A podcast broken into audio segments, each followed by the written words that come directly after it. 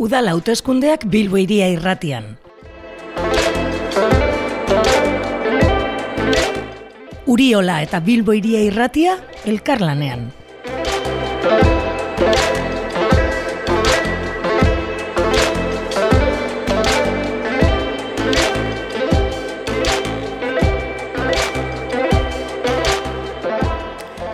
Apirilean bete ziren berrogei urte gerra ostean lehen udal hauteskundeak egin zirela ego Euskal Herrian. Gauzak asko aldatu dira noski, udal eta foro hauteskunde batzuen atarian gaude eta atzera begira baino aurrera begira jarriko gara. Uriolarekin elkarlanean gaur abiatzen dugu elkarrizketa sorta. Ordezkaritza duten alderdi e, alderdietako hautagaiak izango ditugu gurean. Datozen lau urteko bilborentzat dituzten proposamenak aztertuko ditugu. Lehenengo itzordua EAJ alderdiarek Gurekin egin dugu, Juan Maria Aburto Bilboko alkatea, berriz aukeratua izateko helburuarekin dabil, ba, buru belarri lanean egun hauetan. Eta gurean dugu, eguerdion? Eguerdion, bai. Bueno, lan gogorra da ere, ez, e, kanpaina?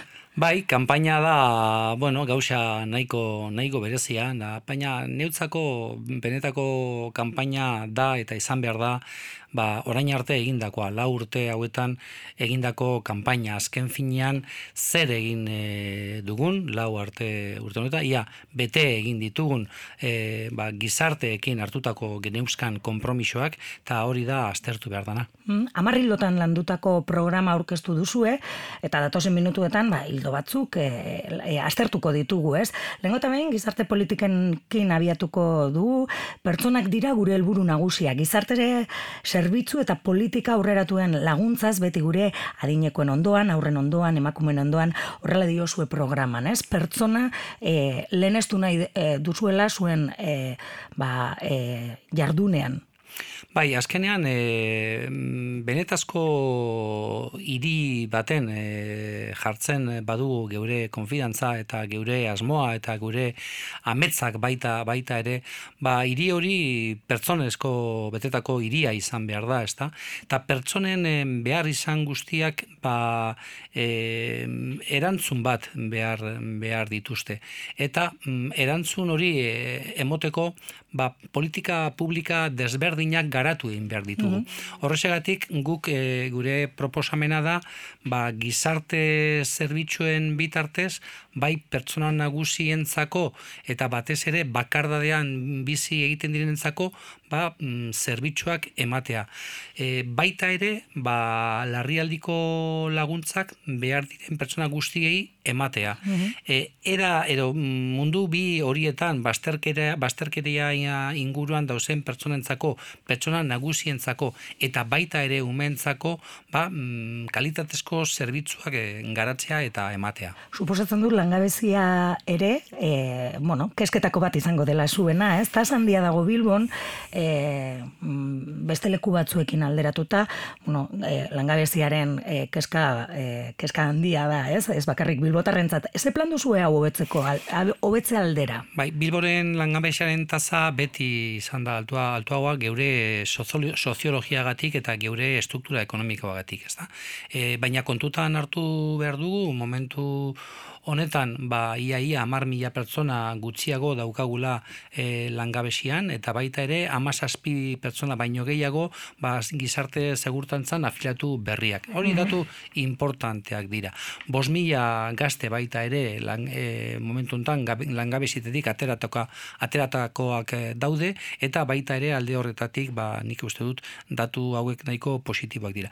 Baina momentu honetan momentuz Bilbon ba hogeita bi mila pertsona eta sortxireun mm. pertsona daukagu daukagu langabesian eta ba, ba, beraientzako ba, behar ditugu ba, programa batzu garatzea. Langabesia aztertzeko guk badaukagu alde batetik mm, ba, lang, basterkirea inguruan dauzen e, pertsonentzako ba, baita ere lortu behar dugu ba, gizarteratxe prozesu batein mm beraiekin ba, beraren reinsertzioa lortzeko. Horrezetarako ba, e, gure asmoa da mm, tokiko lan planak egitea lanbide lanbiderekin. Mm. Eta era horretan ba urtero ba zeireon lanpostu sortzea bide, bide, bide horretatik.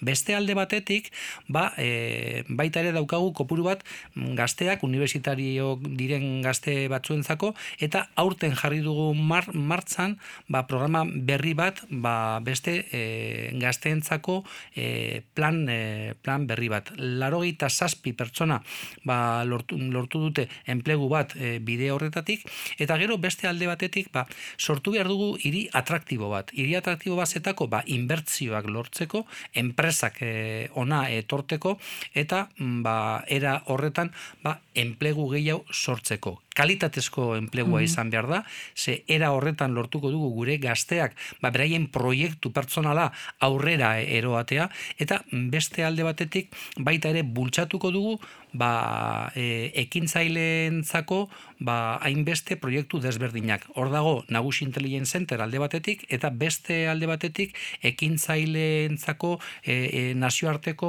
zentru bat, proiektu bi hauek e, Bizkaiko foru aldundiarekin e, garatuko dugu. Eto gero, zorrotzaurre eta Bilbao hiri universitaria mm, proiektu horren bitartez gure asmoa da baita ere ba, ezagutza hori ondoren ba, mm. e, esparru ekonomikoak e, sortzea e, kontatu aldi guzu, e, aipatu duzulakon, e, nagusi e, Bilbao Center e, Bizkaiko Furu Aldunderekin elkarlanean e, sortuko den espazio hori zer izango den? Bale, e, momentu hontan e, guk mm, aztertu dugu, nola mm, alde batetik pertsona nagusiak behar dituzte ba, osasun aldetik zerbitzu desberdinak. Mm Gizarte zerbitzuetatik baita ere, zerbitzu desberdinak. Mm batzuk menpekotasun egoeran daude, baina beste batzuk ez. Eta menpekotasun horiek, menpekotasun hori baita ere e, egoera horretan e, ez egoteko, ba guk e, gera ditzakegu ba, tresna desberdine, tresna teknologikoek. Uh Ezagutza, gizarte zerbitzuak, osasun zerbitzuak, hori dana batuta jarri eta ba, esparru ekonomiko berezi bat sortu inguru horretan. Teknologia berriekin, e, berrikuntzagaz eta ezagutzagaz. Erabiltzaileak nagusiak izango dira, ez? Nagusiak. Persona nagusiak. Hortik, hortik e, e, irtengo diren mhm. produktuak, investigazioak, mhm. ikerketak, eta emaitzak izango dira beti beti beti pertsona nagusientzako. Hau deitzen da Europan momentu da silver economy, mm ekonomia plateada esaten dugu hemen, ezta? Plaza Biribilean kokatuta izango da, ez? Oker ez, hori izango da zorrotzaurren. Plaza ah. Biribilean izango da, e, BBV egoitzan, bai. izango da beste proiektu bat, ekintzaileentzako nazioarteko zentroa. Hori izango da beste proiektu berri bat, hor egongo dire, ba, gure irian dau, dausen momentu honetan enpresa nagusiak, eta enpresa nagusiek aztertuko, aztertuko dute, ba, beraien enpresa bakoitzean, e, zor daitezke ba, e, e, intra, intra ekintzailetza, edo mm mikro, mikro ekintzailetzak.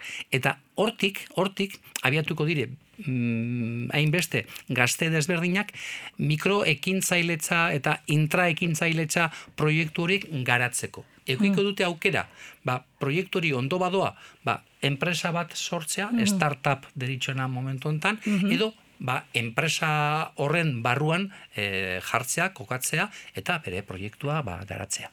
Auzoetara salto egingo dugu, vale. aipatu duzu zorrotza aurre, ontze e, jarraituko dugu horren inguruan berba egiten ere. E, Bilbozken urteetan asko aldatu dela, hori agerian dago. Askotan entzun izan dugu Bilbon bia bida adura daudela erdigunekoa eta auzoetakoa, ziur asko zukere askotan entzun duzu hori. E, goiko auzoak askotan kesu agertzen e, dira, auzoen arteko arrakala leuntzeko e, suposatzen dut ere e, izango duzuela planak, planik ez? Ama, nik uste dut e, munduko hiri guztietan egoera desberdin hau dauzela. E, guk e, guri eta niri mm, batez ere gustatuko litzaidake hiri gero eta koesinatu haua edukitzea. Horrezetarako, ba, horrezegatik jartzen dugu erdi-erdian pertsonak. Eta pertsonak esaten dugunean edo aipatzen dugunean, pertsona guztiak aipatu nahi ditugu. Neutzako, auso guztiek dira puzle bat bezala, mm puzle bat bezala. Eta, ba, imagina dezagun, ba, puzle bat, berrogei, de, berrogei piezako puzle bat, berrogei pieza horiek izango dire, ba, bilboko auzo guztiak, eta pieza bat faltzen, faltatzen bada, ba, puzle hori txarto geratzen da. Edo pieza bat apurtuta edo txarto badau, ba, puzlea ez, ez da geratzen ondo. Ba, bilboarekin e, gauza bera gertatzen zaio. Horrezegatik, gure asmoa da, ba, auzo guztietan, auzo, eta auzo guztiak sentitzea, e, hiri baten parte izatea eta hiri hori atraktibo bada hiri e, auzo guztiak izan behar dire atraktibo. Horsegatik gure asmoa da ba, merkataritza garatzea auzo guztietan, naiz eta barita magima bat ez euki, mhm. eta badakigu oso zaila dala hori, baita ere Mm, auzo guztietan kalitatezko zerbitzuak e, edukitzea, aurreskolak, e, gizarte zerbitzuak, e, garapen ekonomikoa, e, polikiroldegiak, e, aizia, aizia ba, mhm. igarotzeko ba, zerbitzuak edukitzea, gazteentzako zerbitzuak, persona nagusientzako zerbitzuak, hori da geure helburua. Mm, auzo guztiak, guzti guztiak garatzea. Mm Baina badakizunez, e, e, e, udaletzera askotan, auzoetako hainbat e, elkarte e, joan dira protestan. Ez atereko honetan bertan hilsorian dauden auzoen hileta martza bat ikusi dugu, e, udaletzeko atarian, San Franciscotik, irala e, Bilbosarra eta Zabala auzoko ba auzokideak protestan joan dira, ez? Argi dago e, ingurune hori ezaugarri bereziak dituela, baina zein da udalak daukan plana auzo horien entzat esaterako. Bueno, ba, hor daukagu auzokizuna proiektua eta garatzen e, ari, ari gara. E, ba, hainbeste mm, ekintza edo proiektu desberdine, desberdinekin segurtasuna alde, alde batetik, irigintza beste alde batetik, hor daukagu ba, zelako bekuntzak, ekon dire e, Mauricio Zabala kalean, edo Aretza kalean, mhm. edo iru, iru pilareko enparatz, enparantzan, eta bueno, alde horretatik jarraitu, jarraitu behar, behar du dugu baita ere, ezta. Gero, ba, mm, momentu honetan baita ere, e, aztertzen ari gara ausokizunaren bidez, zeintzuk izan behar diren, ba, mm, e, inguru horretan garatu behar e, ditugun e, proiektuak. Eta bata eta oso berezia izan da, martzan jarri duguna, ba, gu deitzen du proiektu singulareak, proiektu singulares. Eta mm, hori garatu dugu bat otzarkoagan eta beste bat e, San, San Francisco inguruan, ba, enplegua, enplegua sortzeko eta enplegun bitartez ba, personen bizikalitatea hobetzea. E, baina aipatuko nahiko nuke momentu hontan bai ba badaus ba auzo desberdinak auzo bakoitzean behar izan desberdinak dauz eta ba oreka mantendu behar dugu auzo hmm. guztien artean baina niri gustatuko litzaidak aipatzea nola momentu hontan auzo guztietan auzo guztietan galdetzen badiegu nola dan auzo horretan bizikalitatea, auzo guztietan erantzuten da, ba, amarretik sortzi baino gehiago emoten diegu bere bizitaren kalitateari. Hori da oso importantea. Hori da horrek esan nahi du, ba, e, e, auzo bakoitzean e, arro sentitzen dire bere auza. Eta galdetzen badiegu, ba, nahi, ba, ia nahi baduten, ba, mm edo beste auzoetara e, bizitzera joatea, beraren erantzuna da, ezetz. Mhm. Hori kontutan hartu behar dugu. Eh?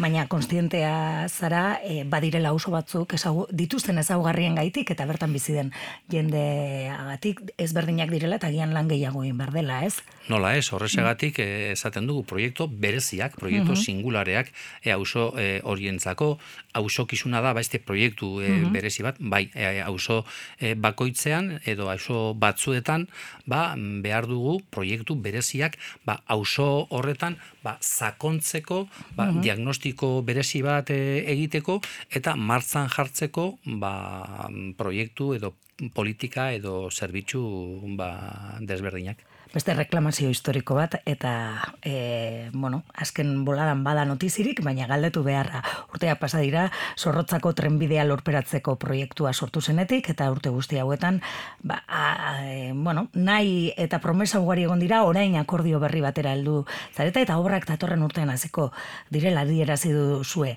E, horrela izango da?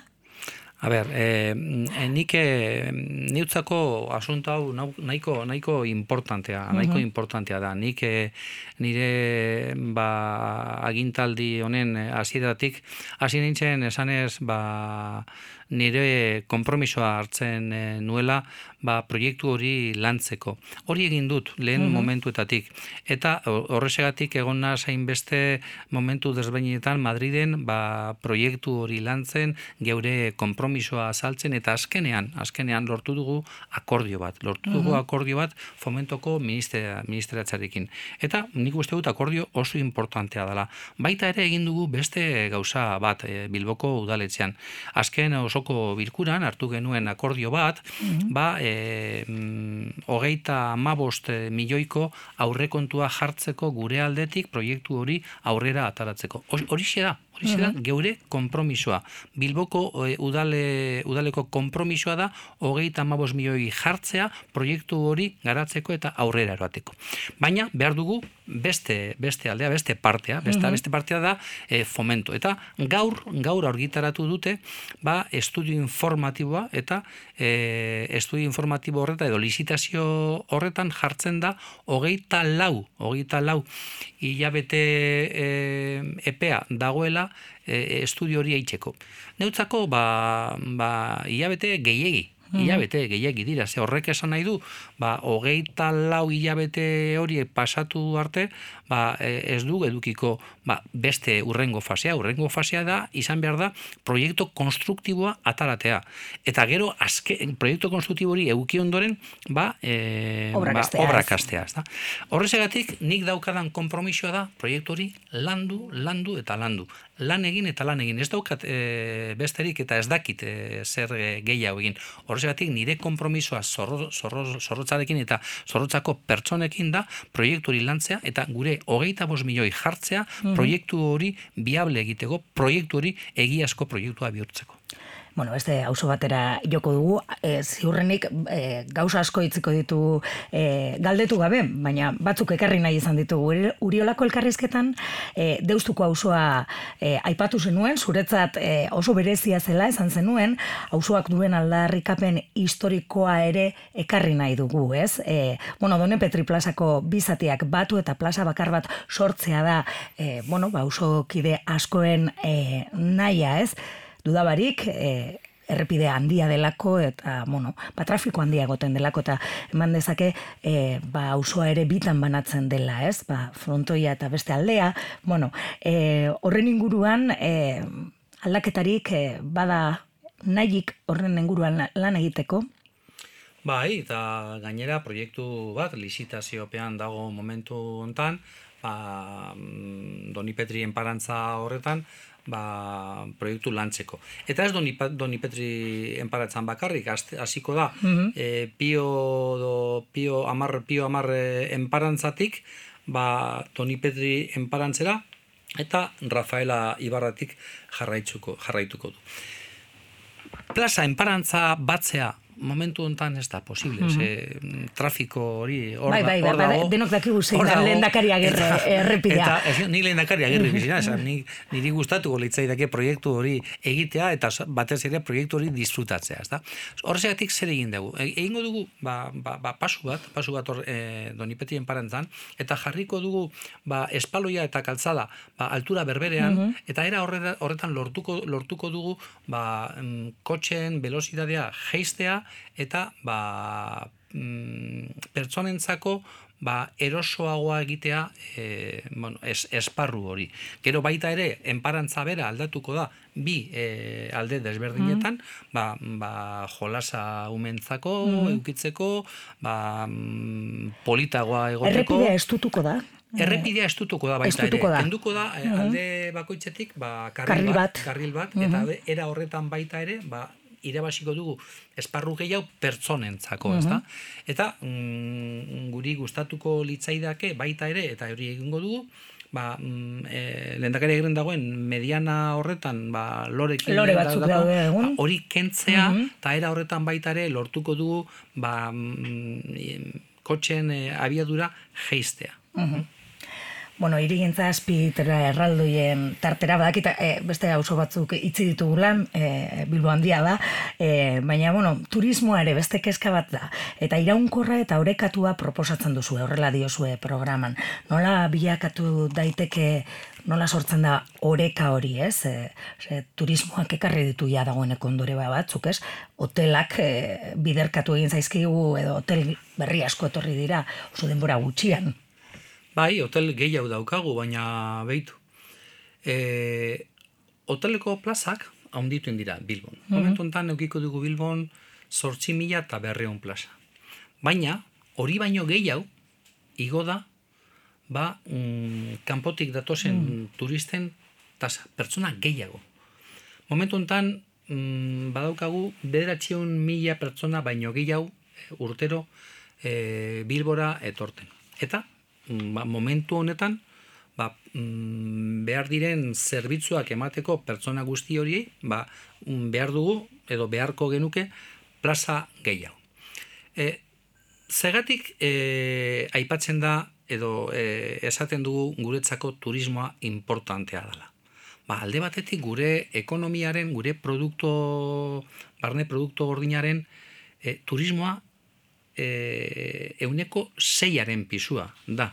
Horrek esan nahi du importantea dela. Hogeita mar urte, e, orain dela hogeita mar urte ez geneukan ekonomia hori. Eta momentu honetan badaukagu ekonomia hori. E, momentu honetan, e, ekonomia horretan daukagu, ba, irurogei tamar mila pertsona bizkaian lan egiten. Osea, hainbeste lanpostua dauz momentu, momentu horretan. Eta zer egin nahi dugu ba, guk e, turismo e, esparru horretan. Guri gustatuko litzaidake ba, mm, pernoktazioak e, haunditzea. Mm, ia posible izango balitz, ba, turista bakoitzak bi, bi egun e, lo egin e, Bilbon. Beste alde batetik, ba, ia handi daiteke beraien beraien gastuak e, irian. Eta gero beste alde batetik azkenean, ia egiten badugu posible, ba, Bilbora etorre, etortzen, pertsona bat etortzen danean, ba, berriro e, pertsona hori urrengoan etorkizunan berriro e, e, gure irira e, bultzatzea. Horrezagatik nik uste dut ba, turismoa importantea dela. Hau esan da, hau esan da, niri gustatuko litzaidake azpimarratzea gure lehenengo, lehentasuna eta proposamena egunero dala mm, Bilbo euki buruan eta Bilbotar guztiak eta behar e, Bil- Bilbotarren behar izan guztiak. Horrezagatik gure lehen begirada da ba, e, Bilbo barrura daukagun begirada espaloiak e, hobetzeko, irisgarritasuna hobetzeko, e, iria garbia e, eukitzeko, enplegu gehiago e, sortzeko eta kalitatezko enplegua sortzeko. Hori da mm, mantendu behar dugun oreka. Galetu behar dizut, badakizu atzuriko geltokia ere, ba hor ere e, zerbait gertatuko dela, auzotarrak e, lokomotora proiektuaren bitartez, parte hartze proiektu baten bitartez, ba, aurkeztu dute, ba, e, bueno, zer gustatuko litzaieken e, bertan egotea, ez? Entzun dugu, geltoki hortan hotel bat izango dela. Ez dakit entzun, entzun e, dugulako, baina galdetu behar dizuegu. E, e, ia dakizun, hola izango den? Ba, berri berria. berri berria. Ez, e, beitu, e, geltoki hori ez da geurea, geltoki hori Eusko Jarloritzarena da, eta beraren eskuetan dago, eta momentu, zeni baita ere, ba, ilusio sartuko genuke, ba, eraikin hori, ba, proiekturen bat e, garatzeko, baina ez hotel bat jartzeko, baizik eta hori da ekipamentu publikoa, ekipamentu publikoa, eta niri gustatuko litzaidake hori ekipamentu publikoa e, Irekia, proiektu ireki eta batentzat jarraitzen, izatea. Eta, eta auzoentzako eta e, duda, duda, duda barik, ez ezta? Horrexegatik, bueno, baina nik eh, dakidan aldetik momentu hontan gobernuak ez de, ez dauka asmoa, ba eraikin hori usteko. Mm Azken urteetan Italian du ugari izan dira, hori denok dakigu, asko hitz egin da e, horiek usten duten dirua gurean, ez? Inpaktu ekonomikoa deiturikoa. E, askotan ere kustionatzen kustionatu izan da hori, ez? E, kanpaina hasieran e, bueno, elkarrizketa bat e, eman zenuen Radio Euskadi nain zuzen ere eta e, bertan zuk e, zenbaki batzuk e, aipatu zenituen, mm euro e, bakoitze bai, batetik inbertitzen da, hogei datosela bueltan. E, baina, e, iritar askorentzat, e, bastaki sensatzioa da hori, ba, kanpora begira, e, eraikitzen dela, ez? Ba hori, ez etor daitezela eta ez ez dakit e, zer esan dezakezun horren e, inguruan. Ba, lehenik eta behin guk e, galdetzen diegu herritarrei ia beraiek hau nazioarteko ikuspuntu hau e, nahi badute ba hildo horretatik mm jarraitzea, lantzea, ba, Bilboko irudi horregaz e, jarraitzea, ezta? Ta e, euneko larogei eta bost baino gehiago, ba, esaten digute beraiek nahi dutela evoluzio horregaz jarraitzeko. Beraiek nahi dutela ba, arro sentitzea beraien e, iriaren gatik. Eta gu baita ere uste dugu, guk uste dugu, ba, alde horretatik jarraitu behar dugula. Baina, segatik, ba, erakargarria dalako iriarentzako. Gu, inbertitzen dugu euro bat, eta iriarentzako lortzen dugu hogei euro. Horrek esan nahi du, ba, enplegua sortzen dela, jarduera ekonomikoa sortzen sortzen dela eta era horretatik ba e, lortzen dugu ba irudi potente bat. Gu irudi hori badaukagu e, posible izango da baita ere inbertzio gehiago, kanpotik datozen inbertzio gehiago lortzea, kanpotik datozen enpresa gehiago lortzea. Eta horrezegatik, ba, landu nahi dugu nazioarteko ikuspuntu hori, ba, e, enplegu gehiago e, eukitzeko, geure irian, aukera gehiago eukitzeko giz, mm, gazteentzako, eta batez ere ba, jarduera ekonomia gehiago edukitzeko. Mm, elkarrizketa horretan ere goraipatu egin zenuen aste nagusia. Horrek ere inpaktu ekonomiko handia e, usten duela larogei milioi eurokoa hain zuzen ere horrela aipatu zenuen. E, bueno, uriolako elkarrizketan ere e, aipatu zenuen Bilbok e, egiten den gintza handienetako bat da, ez? E, antolaketari dago kionez, e, Bilboko aste nagusia e, berezia da, ba, e, mistoki edo e, antolatzen bai, delako, bai, ez? Bai, bai. E, batzorde misto batek antolatu atzen duelako. E, nolakoa da udal gobernuaren eta Bilboko konpartzen arteko relazioa gaur egun?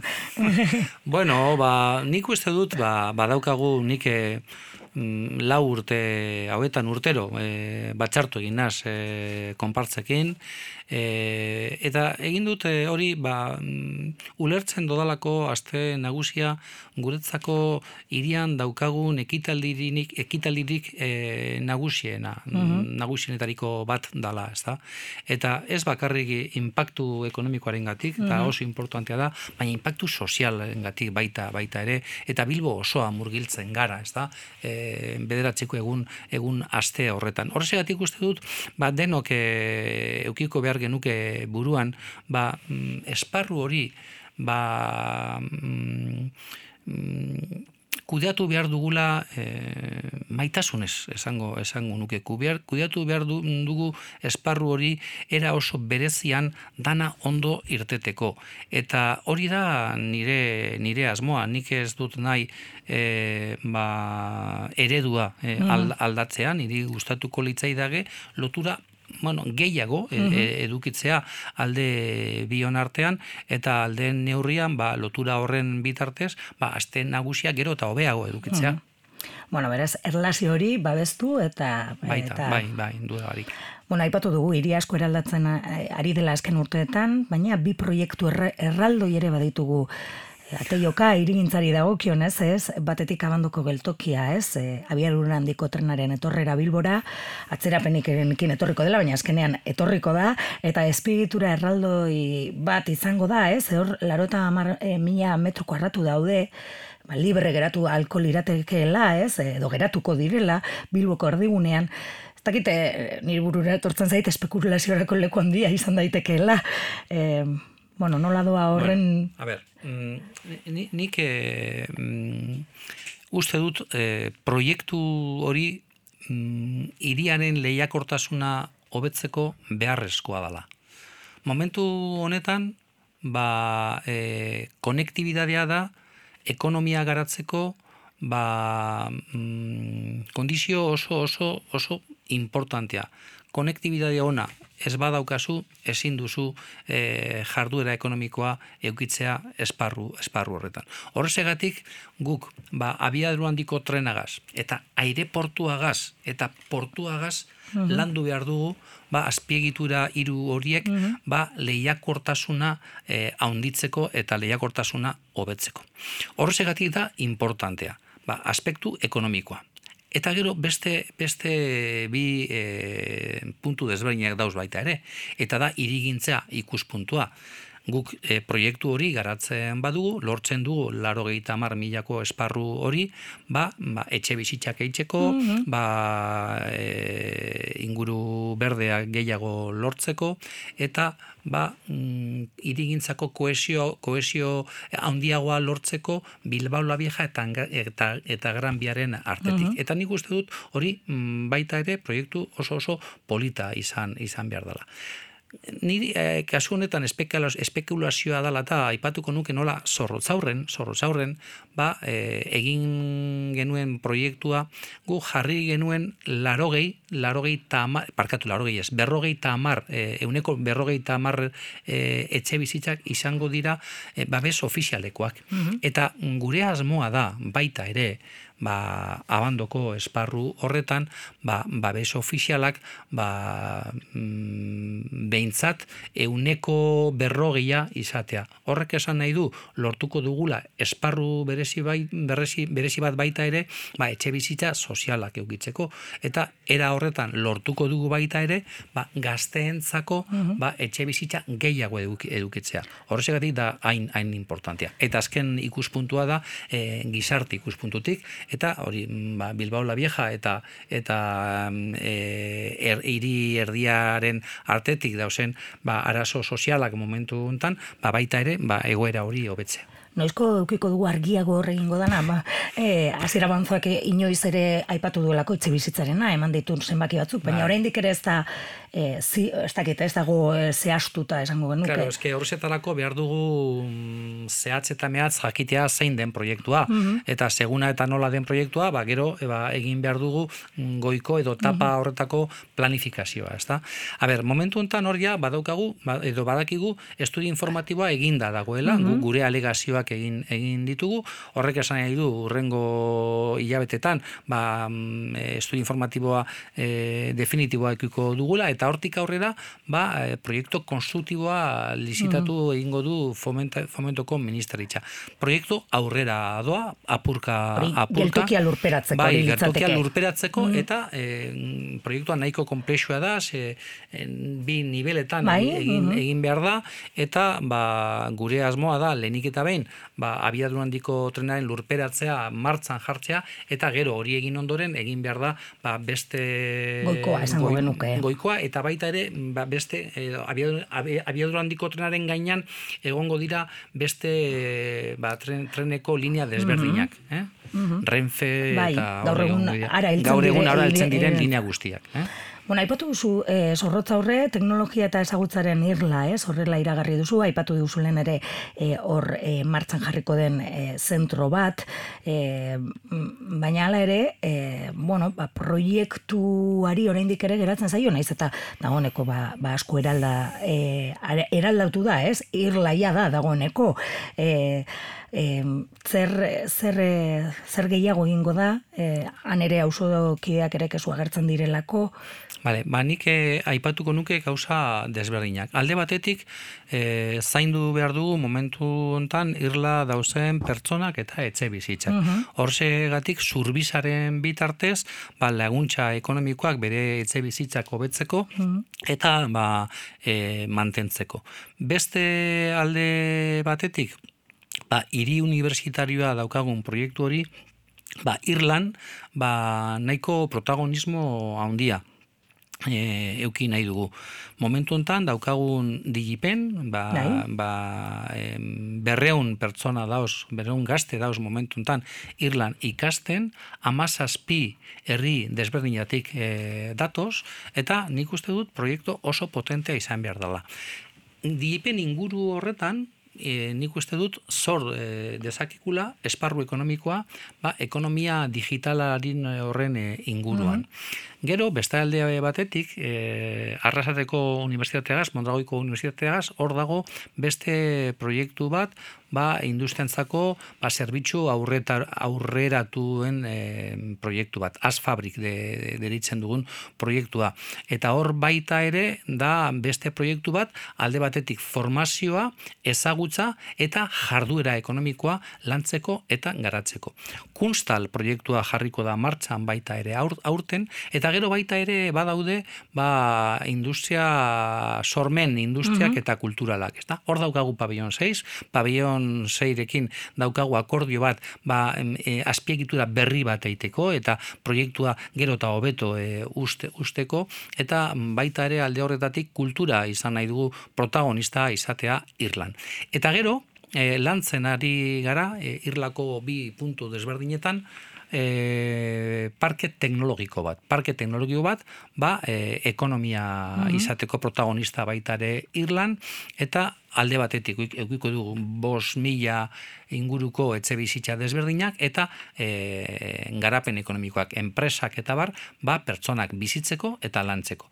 Eta ezin dugu ahaztu nola emisio barik irla izango dela, geotermia izango da, ba, ba energia emoteko mm irla osoari izango da geure proiektua, ja asfabrik proiektua e, funtzionatuko da geotermiaren bidez eta baita ere alde horretatik ba ilusioa daukagu proiektu argi dago, bakizu, bai, azken bai, hilabeteetan bai, bai. Eh, agertu da, ez? Eh, bueno, el proiektua aldatzen ba, ez eguela, ez eukatale argi, horrela irakurri genuen. Irakurri behar dire gauza asko. Uh Gauza bat bakarrik irakurtzen baduzu, ba, olako gauza gerta daitezke. Irakurri behar dira gauza asko, eta gero aztertu behar da e, zein irakurtzen duzu.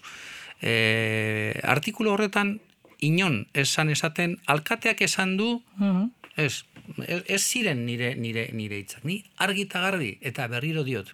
Nik ez nago pentsatzen ba proiektua aldatu behar dugula. Ez nago hori pentsatzen. Proiektua oso landuta dago mhm. eta proiektua abandu ibarra, abandu ibarragaz gertatzen zen moduen, ba, proiektu hori luzerako proiektua da, eta joan behar gara apurka apurka proiektu hori garatzen. Baina badauka argi zer nahi dugun, badauka argi isugarrizko ilusioa daukagula proiektu horretan, eta nik, nik uste dut, ba, bilboko transformazioari buruz berbai egiteko, urrengo egun, e, urrengo urteetan, ba, e, berba egingo dugu mm -hmm. buruz. Legegiltzan honetan agian garrantzitsuena eta, bueno, e, irudiz ere importantea izan zena, izan zen segurtasun paktua, ez? E, e, sinatu zenutena, ez? E, alderdi denek sinatuta, ez? E, segurtasunak e, esaten denean, ba, bueno, e, gauza garrantzitsua da, ere, ez? E, hori ere, keska dela iritarrena, e, hortan sakontzeko naia e, izango duzu edatorren lau urteetan? Ba, beitu, mm, segurtasuna pertsona guztientzako da e, mm, behar izan bat. Sentitu behar gara, seguru, mhm. gure irian. Danok, umeak, pertsona nagusiak, emakumeak. Sentitu behar gara, seguru eta libre. Horrestarako, ba, behar dugu, ba, neurri desberdinak eh, hartu.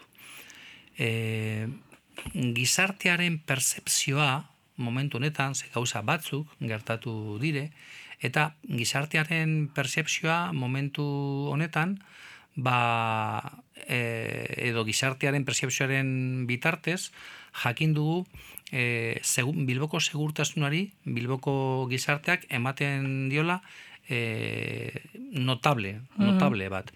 Horrek esan nahi du, bueno, eh, ez, gaudu, ez gaudela txarto, beste hiriekin konparatuz jarraitzen dugu hiri segurua izaten, eta hori landu behar dugu. Ze, jarduera ekonomikoa eukitzeko, turismoa eukitzeko, eta enplegua eukitzeko, behar dugu segurtasuna. Ez pabe, inbertzioak eta enpresak eta pertsonak ez dira ona etorriko. Horsegatik da, hain hain importantea.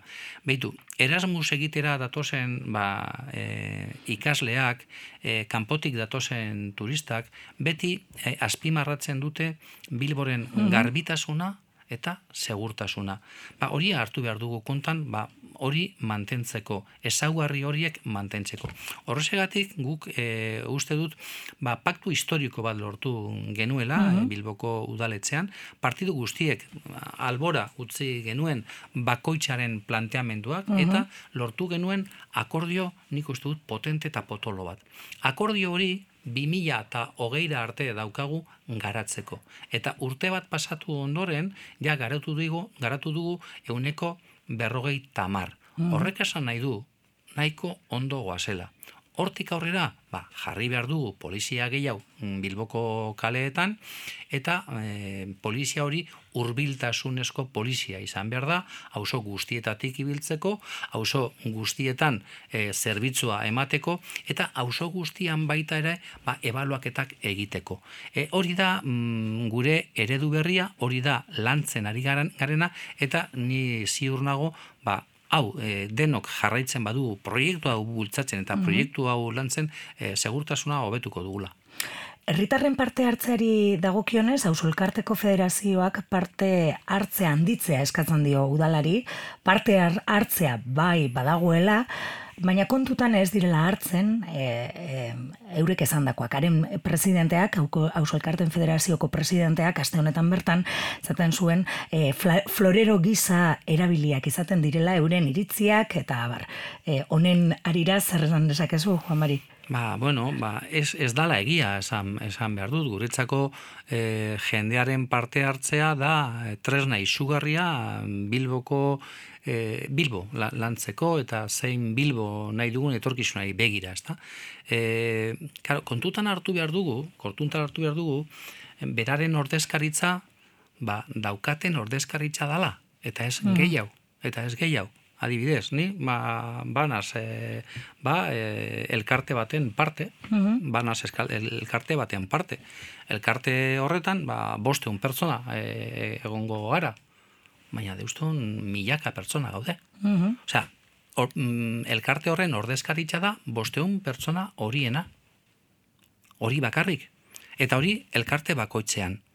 Horrezegatik, ba, guretzako, ba, e, hausoen el, el, elkarteen iritsia oso importantea da, gu nahi dugu beraiekin lantzea, entzutea, jakitea zeintzuk diren beren proposamenak, bereekin landu proposamen horiek, adibidez, materias inflamables basurtu e, eraikin horretan, egin dugu proiektu bat, mhm. beraiekin, eta aurrera atara dugu proiektua, iralako e, trenaren lurperatu egin ondoren, ba, irigintza, ango irigintza, ango planifikazioa, eta proiektua garatzeko beraiekin egin genuen, eta martzan, martzan dago, eta hainbeste leku desberdinetan, martxan daude, hainbeste proiektuak, ba, e, elkarteekin lan e, izan dugu, lan dugun, lan ditugun proiektu desberdinak. Horrezagatik parte hartzea oso oso e, guk e, kontutan e, hartzen dugu eta gustatuko litzai guke, ba, e, gero eta lotura handiagoa e, eduki, edukitzea nola ez. Euskara azken puntua. E, Bilbo Euskal Herriko iririk Euskaldunena da. E, Euskarak Bilbo behar du eta hori da Euskalgintzaren aldarri azken urteetan askotan entzundakoa da ere eta Bilbo da Euskaldun gehien dituen munduko iria. Ia iru eta mila Euskaldun e, baititu, baina biztan lehien dienen e, kupuru handi bat erdalduna da, hori agerikoa da ere. Euskaldun direnen artean errezago egiten da erderaz askotan ere, baina oztopoak oztopo, bilbo gero eta Euskaldunago da da, eta hori ukaezina da, baina zeintzuk dira Euskararen normalizazioerako martzan jarriko dituzuenak. E, Euskara sustatzen duten lantalde kasu espalditik aldarrikatzen ari dira, e, baudalak Euskara Euskal ordenantza e, egin dezan. E, honen harira zer esan alduzu? Bueno, ba, landu behar dugu eta pentsatu behar dugu. Nik uste dut, e, Euskara lantzeko behar dugula baita ere kasotan begira da bi eta desberdinak, ezta? Helburu bakar batekin da Euskara ba, mm, e, gure hizkuntza eta gure lehen hizkuntza izateko, ezta? Alde batetik, ba, udaletxe barruan, udaletxe barruan, e, plan baten e, bitartez, plan berri baten bitartez, ba, e, Euskara gero eta presentzia gehiago lantzeko hizkuntza mhm. izateko. Hori da gure proposamena. Eta gero beste... Instituzioan beran, bai, barruan, beran, barruan, lantzeko, mhm. lantzeko. Eta adibidez, ba, nik, eh, bueno, ba, aurkitu naz, lau arte hauetan, nola mm, zinegotxien artean gero eta gehiago egiten dugula e, euskera, gero eta batzar gehiago egiten e, dugula euskeraz, eta nik uste dut hori mm, aldaketa nahiko polita izan dela.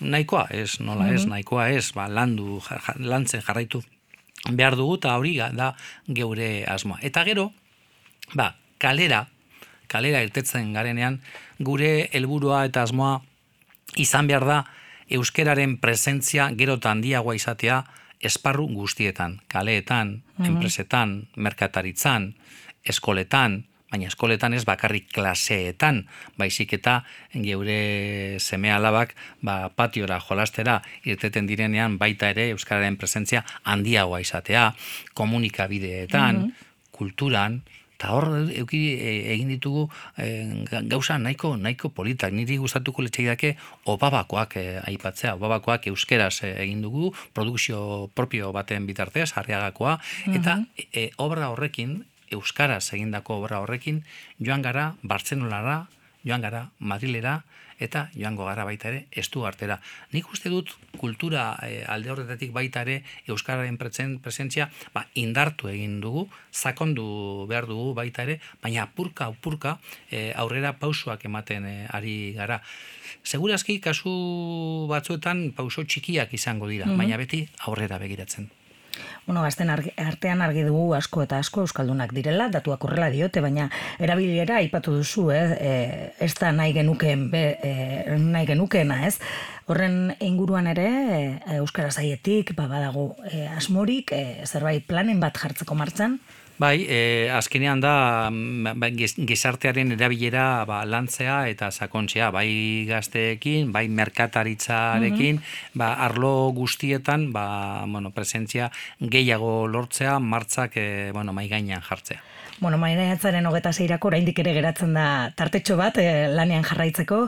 Itzaropena duzu autoeskundeak irabaztea, amairu zinegotzi izan dituzue orain arte, gehiago lortzea espero duzu, Bueno, nire nik e, niri gustatuko litzaidake ba, jendearen eta gizartearen konfidantza edukitzea proiektuagaz e, jarraitzeko. Mm Nik izugarrizko ilusinoa da, dauka. Bilbao nire bizitza da, e, arro sentitzen naz, alkatea izatea, izatea gatik, zerbitzu bezala urte, ulertzen dot, e, urte urte hauek eta ba, Bilbao hasteko gustatuko litzaidake proiektuagaz e, e, jarraitzeko. Horrezetarako behar dut ba, gizartearen babesa, gizartearen mm konfidantza.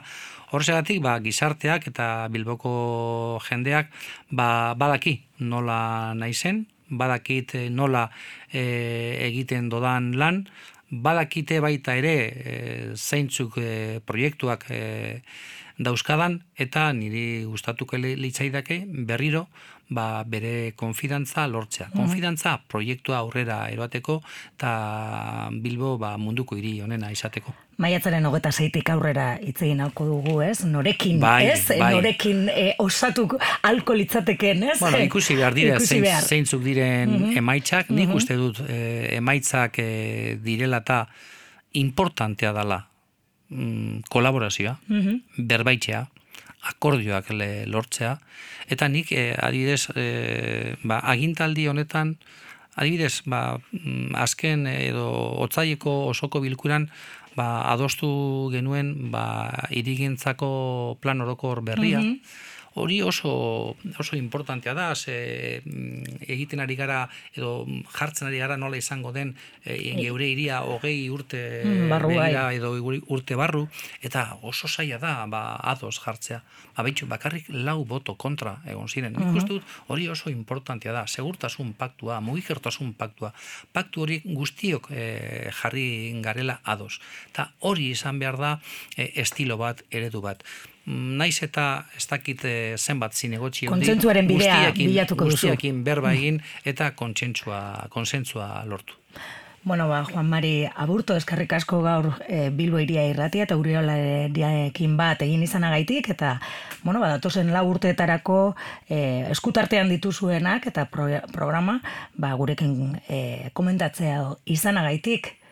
Ba, ba, animo eta... Ba, emetik ikusiko gara, duda bari. Eskerrik asko. Eskerrik asko zuei.